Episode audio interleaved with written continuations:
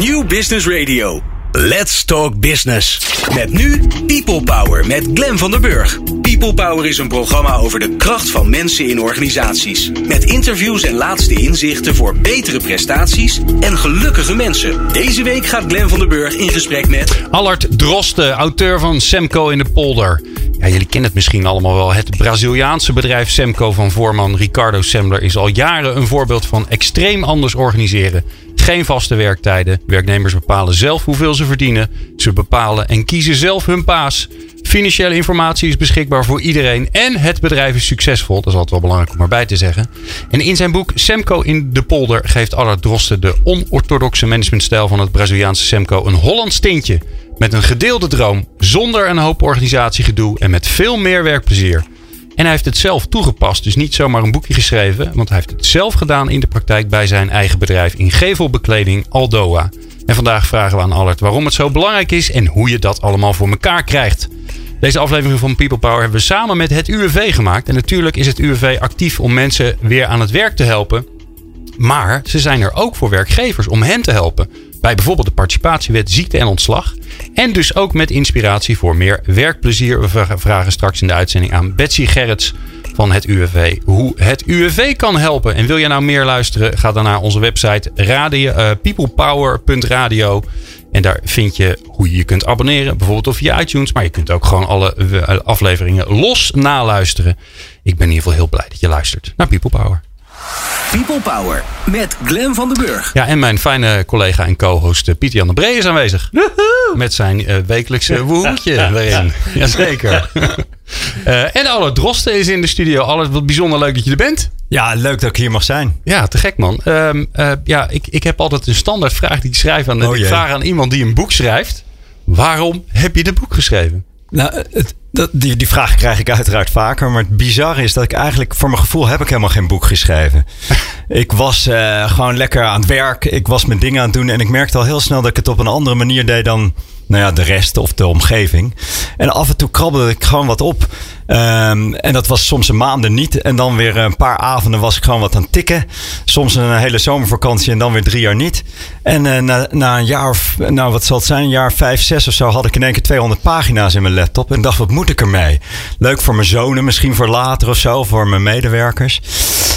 Totdat ik een vriend ontmoette en die zei: Wat gaaf je, daar moet je een boek van maken. Ik denk: Een boek? Ik ben helemaal geen schrijver. Wie zit er nou te wachten op mijn verhaal? En toch uh, geschieden. En binnen een paar weken was er een uitgever die zei: Dit willen we uitgeven. En in één keer was er een kaft en een boek en 200 pagina's. Dus. Maar je hebt dus ook de hessel niet gehad dat je dacht: Oh shit, ik moet een boek schrijven. Wat heerlijk. En dat is ook wel grappig, want ik krijg heel vaak de vraag, of frequente vraag: uh, Allard, hoe schrijf je nou een boek en, uh, en hoe doe je dat? En wat moet je ervoor doen? En dan zeg ik heel eerlijk: Ik zou het niet weten. Nee. Begin en schrijf. En misschien is dat ook wel een klein beetje, nou ja, de, de lol ervan, maar ook misschien het geheim ervan. Dat het gewoon in, in Jip en Janneke taal is geschreven, zonder dat er heel veel over na is gedacht. Ja, ik zeg altijd, dat boek schrijven is heel makkelijk. Je moet gewoon een hoop letters achter elkaar zetten. en dan moeten er wel veel zijn, anders is het geen boek. Het was wel aardig tikken, ja, al met al. ja, aardig wat woorden, ja. Want waarom, uh, waarom ging je tikken? Wat wilde je tikken? Wat wilde je vastleggen? Nou, ik merkte dan bijvoorbeeld, ik had een theorietje hoe je met klagers moet omgaan. Dat heeft niks te maken in dit geval met Semco, maar dat was zo'n theorietje van mezelf. En ik hoorde me dat elke keer uitleggen aan mensen. En ik denk, in plaats van dat ik dat voor de tiende keer ga uitleggen, tik ik het uit. En dan kan ik het voortaan als een soort A4'tje, naslagwerkje, kan ik dat uitdelen of zo. En van dat één A4'tje werden twee A4'tjes en zo. Van één theorietje kwamen er drie theorietjes, tien theorietjes. En dat werd uiteindelijk het boek. Dus vandaar. Ja, wauw. Hey, uh, uh, maar zo te horen, uh, is het, ja, is het, zijn het dingen die je geschreven hebt over een langere periode. Wanneer, wanneer ben je begonnen met, met het bedrijf? Elf jaar geleden. Um, ik kwam toen uit een, uit een andere werksituatie. Ik had tien jaar voor een groot bedrijf gewerkt. Um, en toen vond ik het tijd worden om voor mezelf te beginnen. Ik dacht van, hey, werk kan ook op een andere manier. Ik ga het voor mezelf doen. Mm -hmm. um, kon elf jaar geleden een bestaand bedrijf overnemen, Aldoa. Um, en toen ben ik gewoon van start gegaan, uh, stap voor stap. Um, tot waar we nu zijn, vandaag de dag. Ja. En, en had je aan het begin nou het beeld van ik ga ik ga het anders doen? Ja en nee. Ja, achteraf valt heel veel te duiden of zo. En dan valt het op zijn plek. Ik ben maar gewoon begonnen. Maar wel met een paar echte oprechte intenties om het anders te doen. En een daarvan was nou gewoon met, uh, op een andere manier met de mensen omgaan. Dat is misschien wel echt de rode draad. En dat is van het hele verhaal. Ehm, is, eh, je, je, je hebt in feite twee keuzes. Ga je mensen als economische eenheden inzetten of zo, als, als middel? Of zie je ze echt als mens? En ik heb altijd geprobeerd dat laatste te doen. Eh, eh, ik ben niet meer, niet anders. Toevallig was ik de baas of de eigenaar. eh, Mede-eigenaar overigens, samen met Jan Boom. Ehm, maar ik zag de mens meteen al als, als gewoon een, een, een, een teamgenoot. Eh, noem het vertrouwen, noem het samenwerken. En eh, die insteek heb ik meteen vanaf dag één gehad. Ja. En wanneer, wanneer kwam eh Sambler om de hoek kijken? Ah, dat is ook een bizar verhaal. We hadden het net even over het boek. Mijn titel was Goud in handen. Ik dacht, als je gewoon normaal werkt, eh, op een leuke manier met de mensen omgaat, dan heb je het goud voor het oprapen. Ik vind dat een mooie metafoor. Dus ik kwam bij die uitgever helemaal trots met mijn titel Goud in handen. Waarop de uitgever zei: ehm, Allemaal prima, we gaan het boek uitgeven, maar de titel moet anders. Want het is te generiek. Kan een kookboek zijn, een sportboek zijn, nou, noem het maar op. Ik zei: Ja, maar wat dan? Ze zei: Nou, als ik naar je luister, dan heeft hij iets weg van Ricardo Sembler met zijn bedrijf Semco. Dus we gaan iets doen met Semco. Ik zei, nou, ik ken de hele man niet. ik weet niet wat het is. En ik ben maar die simpele jongen uit de polder, Allard. eh, Ik ben niet te vergelijken met een grootse Braziliaan. Wat me inmiddels was ingefluisterd. Dus ik boos naar huis. Ik was echt oprecht boos. Ik zei, nou, dan komt het boek maar niet hele week nog eh, besteed aan een kaf te ontwikkelen in het goud. Om maar de uitgeefster nog een keer te overtuigen. Ondertussen de tegenlicht documentaire gezien die, die bekend is in Nederland over Ja. Ricardo Sembler. Kreeg veel respect voor de man. Kwam terug met mijn gouden kafje. Nou, eh, ik heb het nog even geprobeerd, maar ze was zeer resoluut. Er moest Semco in de, in de titel. Dus uiteindelijk zei ik, nou doe dan maar Semco in de polder. Ik voelde me als de jongen uit de polder, de Nederlandse polder. Oh, Semco in de polder. Nee, maar het geeft, het, geeft de, de, het idee, tenminste dat zat bij mij Ja. in het hoofd. Jij leest, je hebt ooit het boek gelezen. Tenminste, dat was mijn vertaling die ik vanuit Ja. mezelf maakte. Ja. Die nergens op gebaseerd is overigens. Je leest het boek, je koopt een bedrijf en je denkt, zo ga ik het doen. Ja. Maar zo is het dus helemaal niet gegaan. Totaal niet, oprecht niet. En ik begrijp helemaal die logica. Ehm, eh, het zou ook, het, het, zou eh, daadwerkelijk zo gebeurd kunnen zijn, maar het is precies andersom. Ehm, ik deed maar wat eigenlijk, naar eer en, en, en, en goed geweten.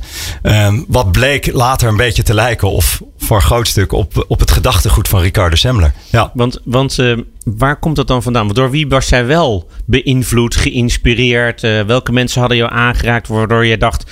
ja, zo wil ik het ook. Want dat is, eh, je Ja. zei, ik begon Ja. voor mezelf en ik wilde iets anders. Dus wat, wie, wie Nee. heeft jou aangeraakt? Nou, het, het, het stuk vertrouwen, dat ik mensen blind vertrouw. Want ik, ik, ik vertrouw echt mensen blind als ze in mijn om- omgeving eh, zijn. Ik weet niet waar het vandaan komt. Het komt van mij, vanuit mijn tenen, vanuit mijn buik. Dat komt echt van mij uit mezelf. Het, het, het, andere stuk eigen verantwoordelijkheid. Want dat zit er ook bij mij altijd, eh, altijd gekoppeld aan dat vertrouwen. Ik geloof zo in dat mensen zelf verantwoordelijk zijn. En kunnen zijn en moeten zijn en mogen zijn. Dat komt echt van mijn ouders. Zo ben ik opgevoed. Ehm, eh, resultaat bepaal jezelf. Succes bepaal jezelf. Geluk bepaal jezelf. Tot echt extreme mate. Eh, en de rest is eigenlijk altijd door, door mensen om me heen. Ik laat me elke dag weer inspireren. Ik, ik, ik nodig me vaak uit bij bedrijven. Ehm, en dan raak ik altijd weer getriggerd door iets wat zij dan anders doen dan de rest. En overal neem ik wat mee. En ik lees veel boeken. En dan met name boeken van biografieën van bekende mensen, oprichters van bedrijven. Of het nou van bol.com is, of de man van Nike, of eh, een boek over Mandela. En daar haal ik ook heel veel uit, moet ik zeggen. Ja, mooi. Maar eigenlijk, eh, ja, het is misschien een lang antwoord, is het meeste doe ik gewoon op gevoel. Eh, het voelt gewoon goed. En we, we zitten in het Westen, zoals ik vaak zo zeg, zoveel in ons hoofd. Alles moet maar beredeneerd en, en, en, eh, en doodvergaderd worden. In plaats van dat je gewoon iets doet omdat het goed voelt. En dat is mijn, mijn grootste drijfveer. Ja. Toen jij het bedrijf kocht, hè? Elf jaar geleden. Ja. Wat trof je aan? Wat was de staat van het bedrijf? Nou. En vooral van de mensen natuurlijk. Als ik er weer aan terugdenk, ga ik spontaan van huilen bijna. Hier je? zeg ik met een lach. Eh, inmiddels elf jaar later. Nee, het was, het was een fantastisch bedrijf. In de zin, het was 32 jaar oud. Ze konden echt wat de medewerkers. Eh 13 man overigens. 2,5 miljoen omzet. Grote hal. Machines waar mannen eh, dunne metalen platen stonden om te buigen en te knippen en te, te vouwen. Ehm, maar wat ik aantrof was een bedrijf wat eigenlijk een beetje op was. Op in de zin van alles was oud, lang niet onderhouden. oud software systeem, nou, et cetera, et cetera. Maar daarmee was de cultuur, en daar hebben we het eigenlijk vandaag over. De cultuur was ook gewoon oud en op. Uh, er was weinig vernieuwing, verjonging. Mensen mochten eigenlijk niet meedenken.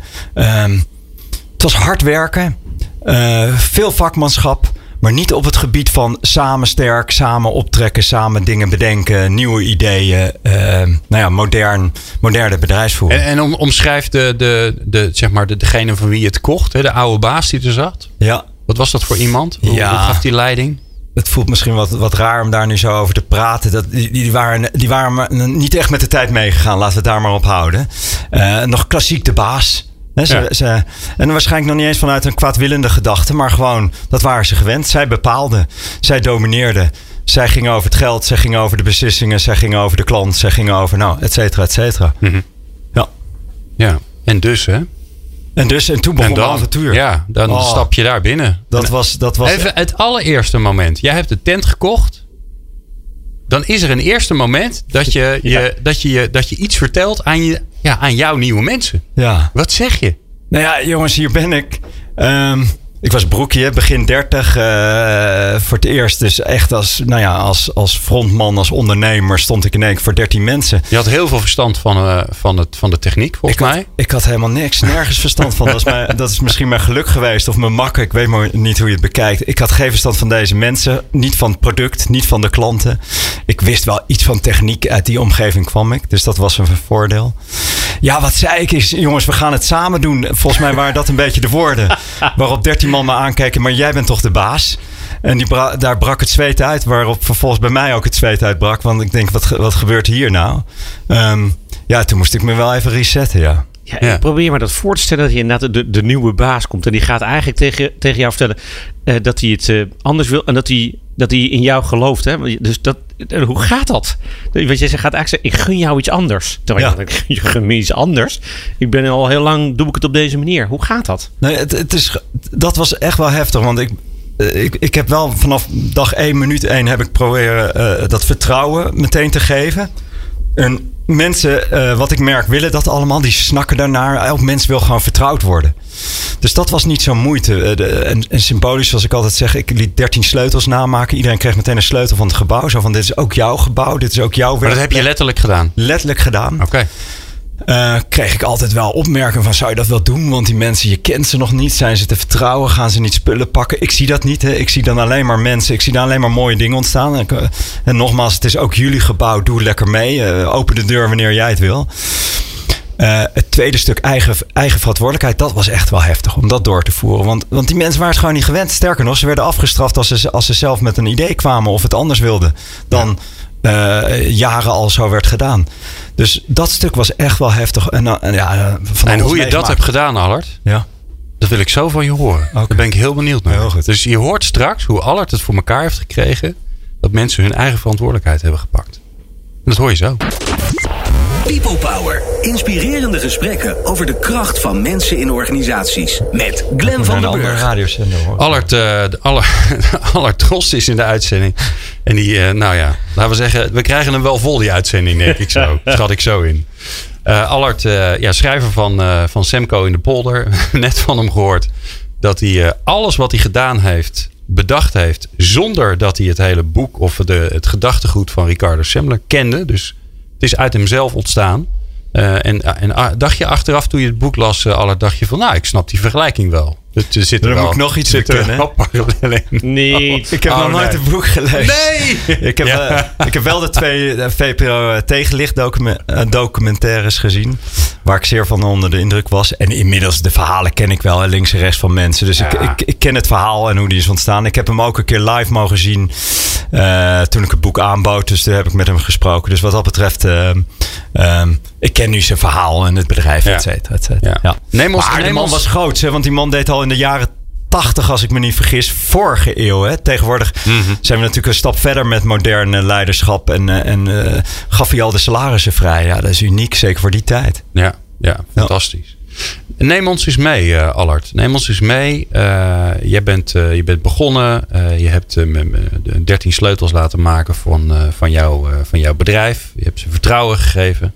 En net eindigde we, ze zeiden ja, maar die eigen verantwoordelijkheid, poeh, dat is wel, dat vond ik toch wel even uitdagend. Hoe ga ik dat nou voor elkaar krijgen? Ja. Nou, Ja, absoluut. Want, want je zag gewoon dat de mensen dat niet gewend waren. En dan komt toch een, een stukje nou ja, routine om de hoek kijken. De mensen waren 10 jaar, 20 jaar. Sommigen, de oudste 32 dienstjaren, waren ze gewoon gewend om dus geen eh, eigen verantwoordelijkheid naar zich toe te trekken. Of dat mocht gewoon niet. En om ze dan weer zover te krijgen, dat was, dat was best even een gevecht. En, eh, en dan zie je toch dat het mensenwerk is. De ene persoon die, die, die, die komt meteen los. Die zegt, ja, lekker. En die hoef je eigenlijk niet of nauwelijks te begeleiden. Terwijl de ander, die moet je toch echt even aan de hand meenemen. Ik, eh, ik, neem dan vaak het parallel van van het leren fietsen. Dat, dat begint met voorop het, het, het zitje voor op het sturen, veilig. Eh, vader of moeder fietst. Kind kan lekker om zich heen kijken of af en toe een dutje doen. Ehm, naar eh, het driewielertje, naar uiteindelijk eh, samen oefenen in de straat tot, tot uiteindelijk zelf kunnen fietsen. En al die fases heb ik meegemaakt met mijn medewerkers. maar je zegt dus ook, bij de ene is het totaal anders Absoluut. dan bij de ander. Absoluut, absoluut. En dat mag ook. Dat is ook een van de dingen. Dat is misschien een zijsprong binnen ons, be- ons bedrijf. Iedereen mag gewoon zijn wie die is. Dat, dat is misschien ook wel nog zo'n sleutel. Bij ons hoef je niet die hoogvlieger te zijn. Bij ons hoef je niet alles te kunnen. Bij ons hoef je niet op, op alle vakken voldoende te scoren. Eh, ben vooral wie je bent. Doe waar je goed in bent. Word daar misschien wel beter in. Eh, eh, graag zelfs. Misschien leer nog wat dingetjes bij, maar that's it. Dus ook met, dat, met dat, dat fietsen. We hebben mensen die op racefietsen eh, wegknallen. En we hebben mensen die het nog heerlijk vinden om in groepsverband gewoon lekker te fietsen. Alles kan bij ons. Ja. Ehm, als je maar fietst, hè, bij wijze van spreken. Maar ik hoor wat je zegt, hè? En Ja. volgens mij voelt iedereen van ja, dat, dat, zo zou het eigenlijk moeten zijn. Ja, Maar het gebeurt niet zo. bizar. En de vraag is, hoe heb jij het toch voor elkaar gekregen? Nou, omdat mensen, weet je, ja, hoe moet ik het goed beantwoorden? Ik, ik, ik kom er gewoon achter dat mensen willen een paar essentiële dingen op het werk. Dat is, is met name gewoon dat ze gezien worden, dat ze gewoon mens zijn, dat ze zichzelf kunnen zijn. Eigenlijk. Eh, misschien anders gesteld dat de scheidslijn tussen werk en privé eigenlijk vervaagt. In de zin, en dan bedoel ik niet dat, dat je moet werken in je privé-tijd of andersom. Maar wat ik meer bedoel is dat de, s ochtends zijn we bepaald, zijn we, zijn we alert. Je komt dan om, eh, om half negen aanzetten en dan in één keer hebben we een andere rol. Schouw je de drempel overkomt van het bedrijf. Daar geloof ik dus niet in. Ik ben gewoon dezelfde persoon overdag als dat ik s'avonds ben, als dat ik in het weekend ben. En dat is eigenlijk iedereen. En daar gaat het nou in mijn optiek bij veel bedrijven op mis. Dat ze in één keer anders met elkaar omgaan. Op het moment dat ze die drempel van de werkplek over, En overstappen. hoe heb jij dat in jouw bedrijf voor elkaar gekregen? En- dat, dat, dat, dat, want dat, dat was ook zo daar. Absoluut. Absoluut. Absoluut. maar nu niet meer. Nee, gewoon door echt die grenzen weg te nemen. Om dat, gewoon te zeggen: jongens, je bent gewoon dezelfde persoon, 's ochtends, 's avonds als overdag. Ik neem jou serieus. En wat ik heb gemerkt, dat alle mensen willen vertrouwd worden. Alle mensen willen een beetje meedenken. Alle mensen willen een beetje ergens bij horen. En alle mensen willen ergens trots op zijn. En in, in willekeurige volgorde. Die combinatie, als je dat creëert voor de mensen. Dus bijvoorbeeld trots zijn.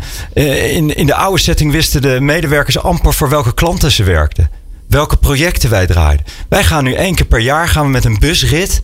Gaan we naar een stad toe, naar, naar, eh, naar keuze. Bijvoorbeeld vorig jaar was het Utrecht. En dan staan we met alle medewerkers staan we naar een gebouw te kijken die wij hebben gemaakt.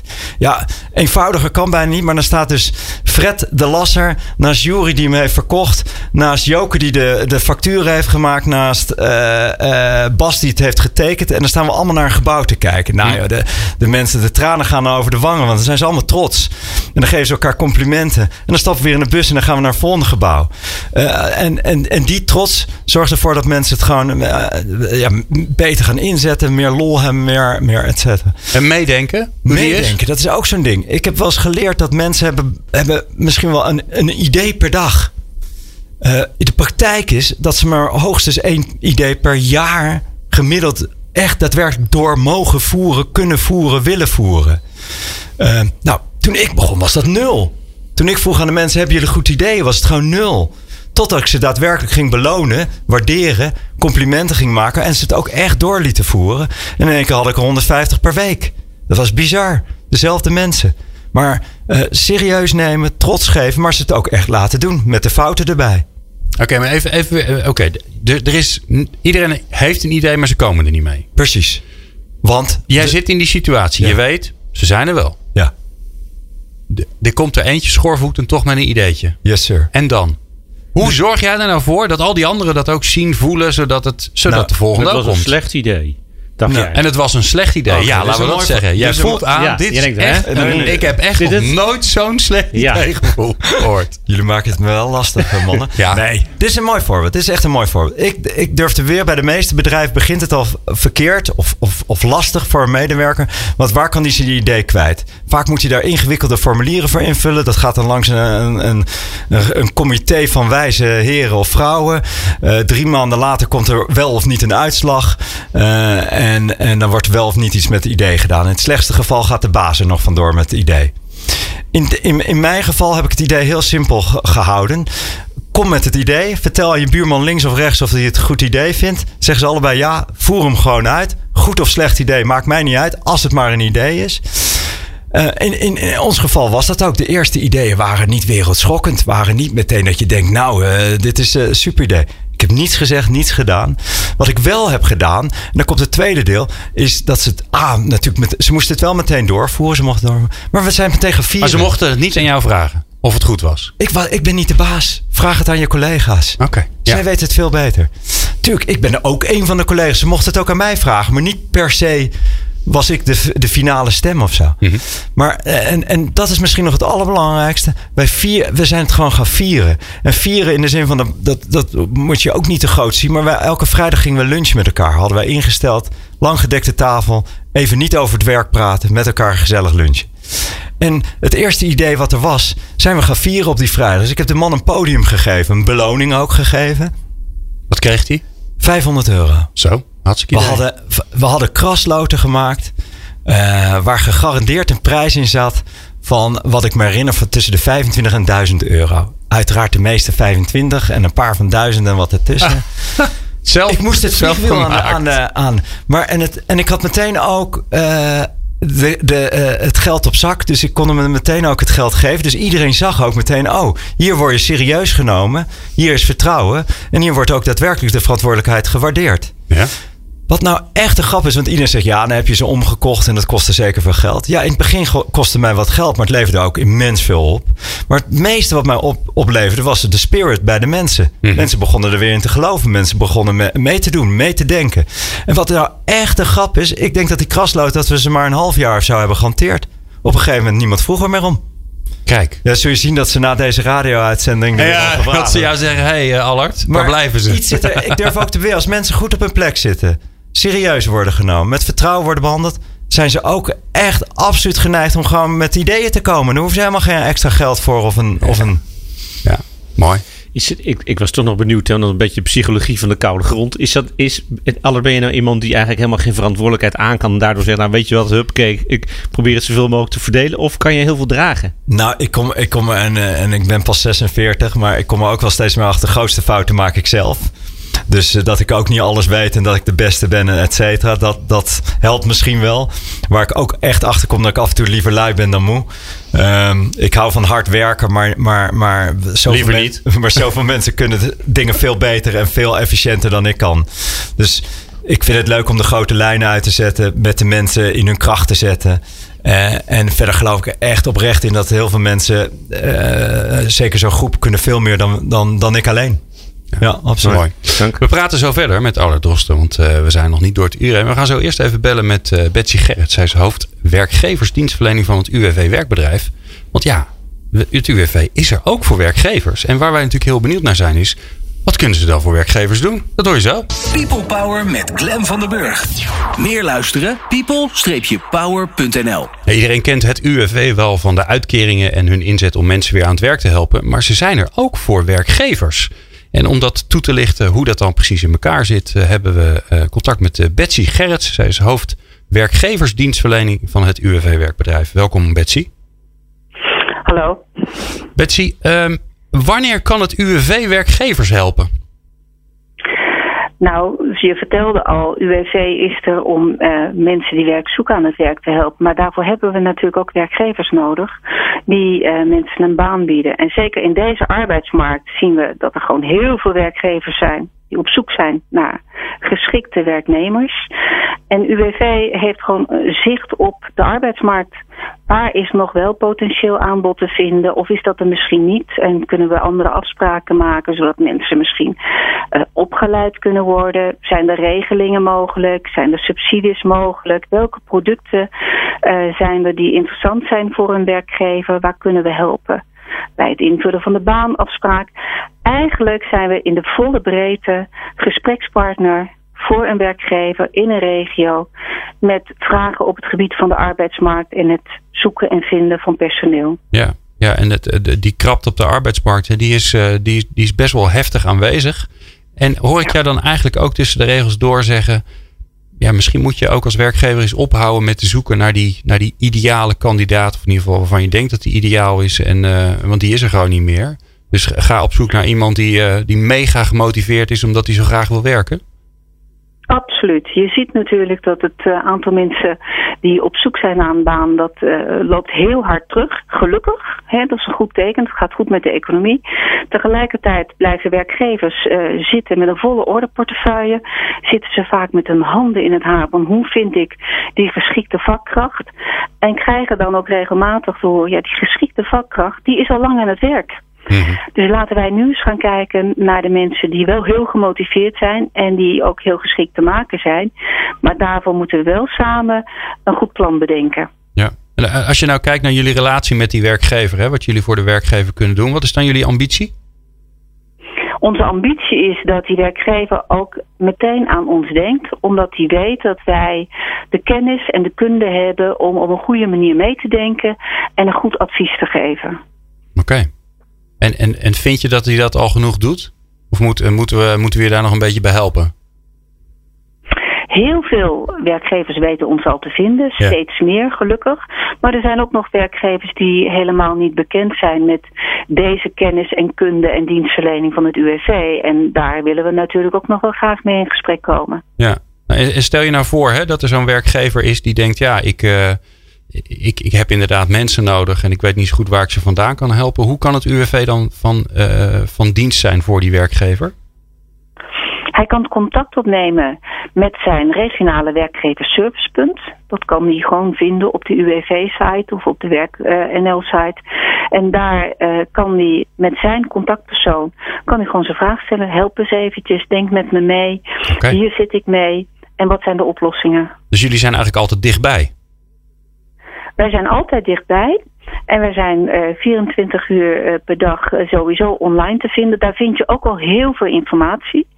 En op het moment dat een werkgever met hem graag in gesprek wil, dan kan hij dat via het regionale werkgeversservicepunt kunnen we dat organiseren. Oké. Okay. En wat gaan, zij, wat gaan zij dan doen? Hoe moet ik dat voor me zien? Want ik ga dan met ze in gesprek en dan? Um, nou, dan heb je het over een werkgever in een specifieke sector, in een specifieke branche en in de regio. En degene met wie die in gesprek gaat, dat is dan ook de expert binnen die regio voor, nou, laten we zeggen, de sector techniek of transport of de zorg. Dus die weet ook wat er speelt binnen die regio. Welke mensen nog op zoek zijn naar een, uh, een baan die geschikt zijn voor die sector, of misschien is dat wel heel erg lastig aan het worden. En welke aanpalende sectoren er mogelijk nog zijn die interessant zijn voor die werkgever. Ja. heb je nou een voorbeeld van, van nou, bijvoorbeeld een werkgever die jullie geholpen hebben? Nou, we werken al jarenlang samen met uh, bijvoorbeeld met Taxiwerk uit Hoogveen. Volgens mij werken we daar sinds 2014 werken we daarmee samen in een heleboel regio's uh, in het land. En uh, taxiwerk verzorgt uh, personenvervoer, hè, leerlingenvervoer en vervoer van uh, ouderen of mensen met een zorgvoorziening. En uh, wat we daarvoor doen is nou, op de eerste plaats zoeken naar mensen die gewoon wel de vereiste papieren hebben om, uh, om een taxi te rijden. Nou, dat wordt steeds lastiger. En op het moment dat uh, die mensen niet meer te vinden zijn, dan gaan we kijken welke mensen hebben we die dat heel erg graag willen doen. die gemotiveerd zijn. En dan gaan we of uh, groepsgewijs of individueel met die uh, potentiële kandidaten in gesprek. Kijken of ze interesse hebben in het volgen van een opleiding. Uh, en die kan dan verzorgd worden door taxiwerk. Waardoor we mensen een maatwerk kunnen bieden voor of grote groepen of voor individuen om uiteindelijk weer aan het werk te komen. En taxiwerk heeft gewoon, ja, kan zijn afspraken ook nakomen wat betreft het vervoer van klanten. Wauw. Een een hele gekke vraag misschien, hè? want het, het klinkt als het, is, het, is, het is vaak op maat. Jullie hebben verstand van, eh, van de verschillende branches waar mensen in zitten. Moet een werkgever ervoor betalen?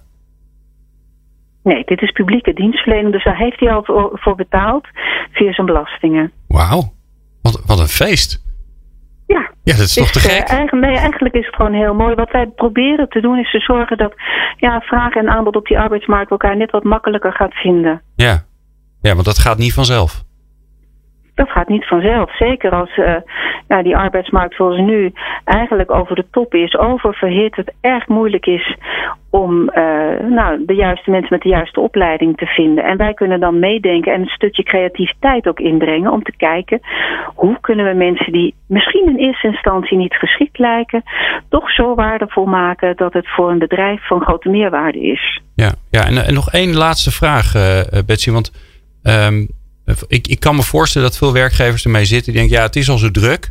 En dan, ehm, en dan moet ik ook nog eh, mensen gaan aannemen die het werk nog niet kunnen.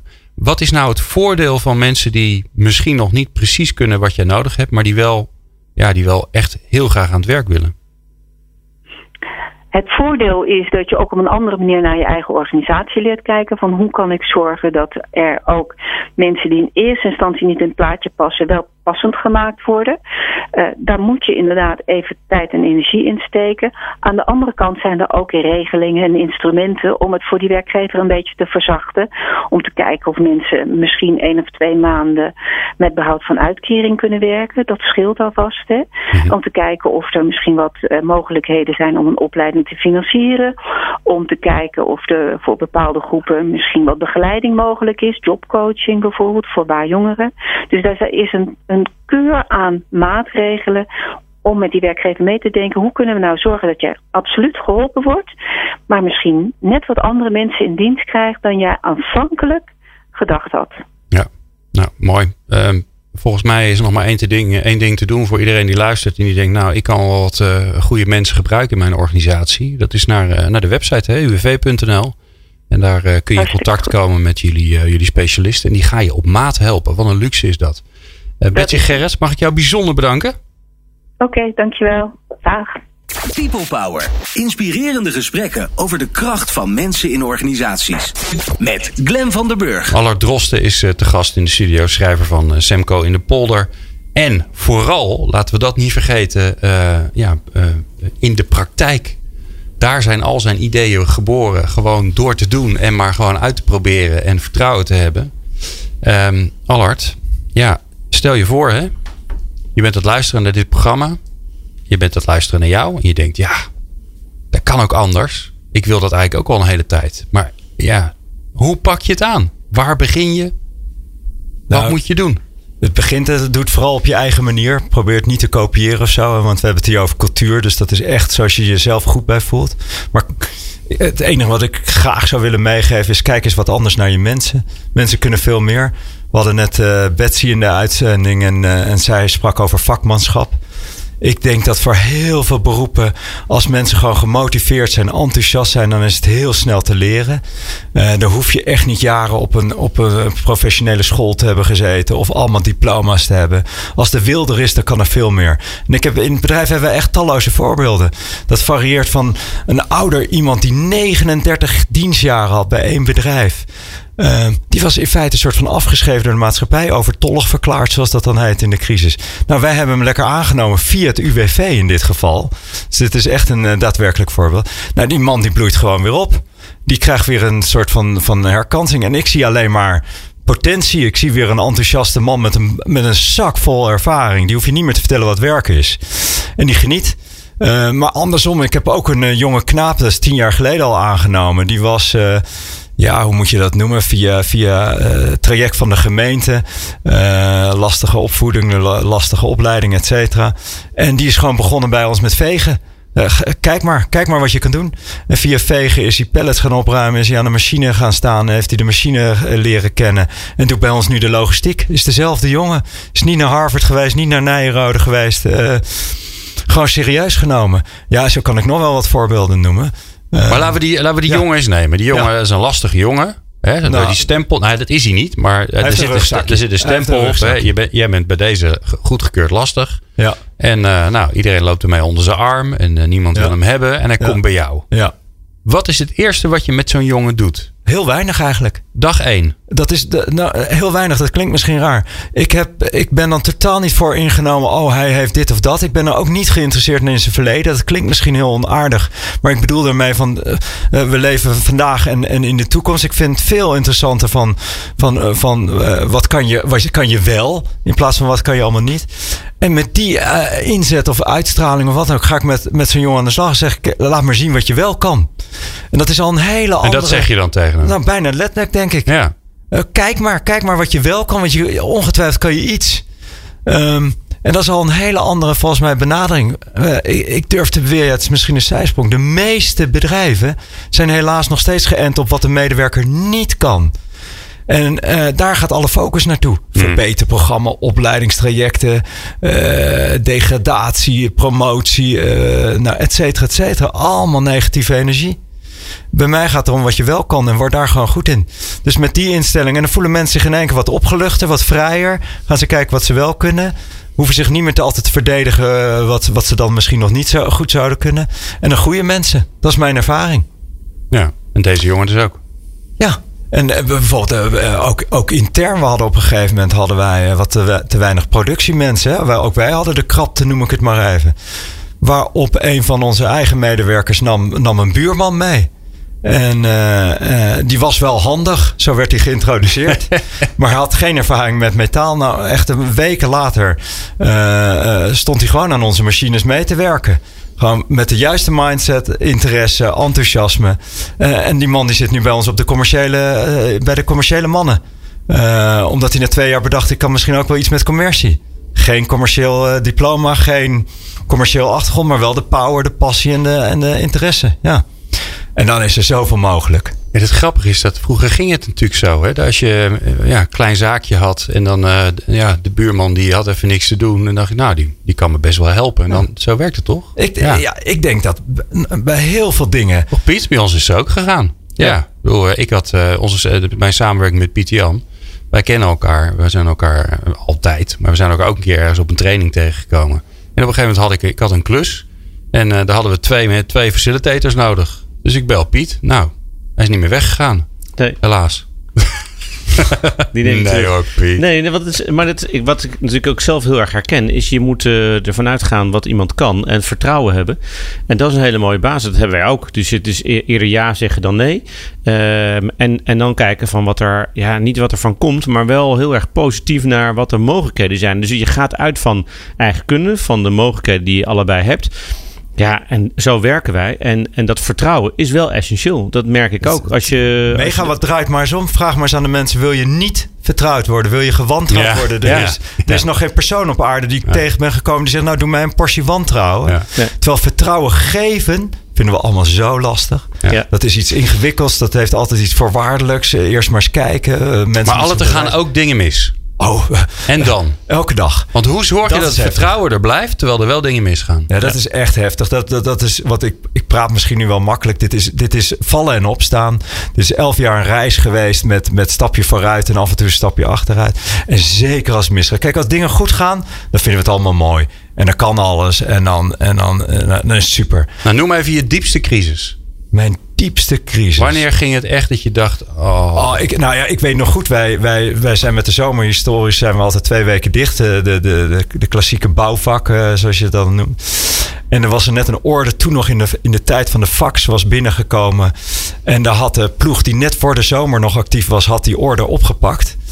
En de ploeg die weer terugkwam na de zomer, Hmm. die zag diezelfde fax liggen en die dacht, hé, hey, een mooi nieuw werk. En die waren dunnetjes over gaan doen. Dus toen wij met z'n allen weer terug waren op de werkplek, zagen we in één keer dezelfde order twee keer gemaakt in de hal liggen. Specifiek gemaakt voor een klant. Dus, dus orde 1 of orde 2, het is maar hoe je het bekijkt, kon de prullenbak in. Eh, dat was duur leergeld, of hoe je het ook noemt. Ja, dan moet je echt, dat is dan, een paar keer vloeken even, maar vervolgens echt op je handen blijven zitten. Want, want Kijk, klassiek genomen denk je dan, oh, dan moet ik gaan ingrijpen. Ik moet een controlesysteem gaan inbouwen. Ik moet een extra manager in gaan huren. Ik moet, nou, eh, je kan er van alles bij bedenken. Maar dan juist niets doen. De groep de groep laten. Het zelf laten oplossen, maar het zelf ook laten voelen wat het, wat het inhoudt. Ehm, ja, wat gebeurt er dan? Nou, gewoon wel even bespreken met elkaar. Ja, maar wat doet die groep? Oh ja, die trekt zich dat echt wel aan. Kijk, in het begin was dat de fout van de baas. Hè. Toen ik nog een beetje in het begin, zeker toen ik de leider was, als er iets misging, keken ze naar mij. Nu kijken we gewoon naar elkaar. Maar nooit met een wijzende vinger op de een of andere manier. Het is niet, wij bespreken echt dagelijks onze fout, want we, er gaat genoeg mis bij ons. Alleen wij proberen altijd wel te leren op menselijk vlak, maar ook, en dat is ook een heel grappig fenomeen. Altijd als er iets fout gaat, is er ook altijd wel weer een oplossing. Er is er altijd wel iemand die zegt: Oh, maar misschien kunnen we hier nog wel iets mee doen. Of zo. Je, je, je zegt, we praten dagelijks met Ja. elkaar. Dat, dat noemen we dan een beetje een dialoog. hè. Hebben Ja. jullie het geformaliseerd? Heb je een vast moment op de dag, of Ja. in de week? Hoe, hoe, hoe ik gaat dat? altijd heel stoer. Wij vergaderen 0,0. En, eh, en eh, wat ik daarmee bedoel, de klassieke vergadering van elke maandagochtend van 9 tot 11 managementoverleg of inkoopoverleg. Doen we nul. Wat we wel hebben is elke dag staan we 10 minuten met elkaar rondom een bord. Iedereen die binnen is, van 5 over 1 tot kwart over 1. En daar bespreken we vier vragen. En dat zorgt voor, voor teambuilding. Dat zorgt voor dat we van fouten leren.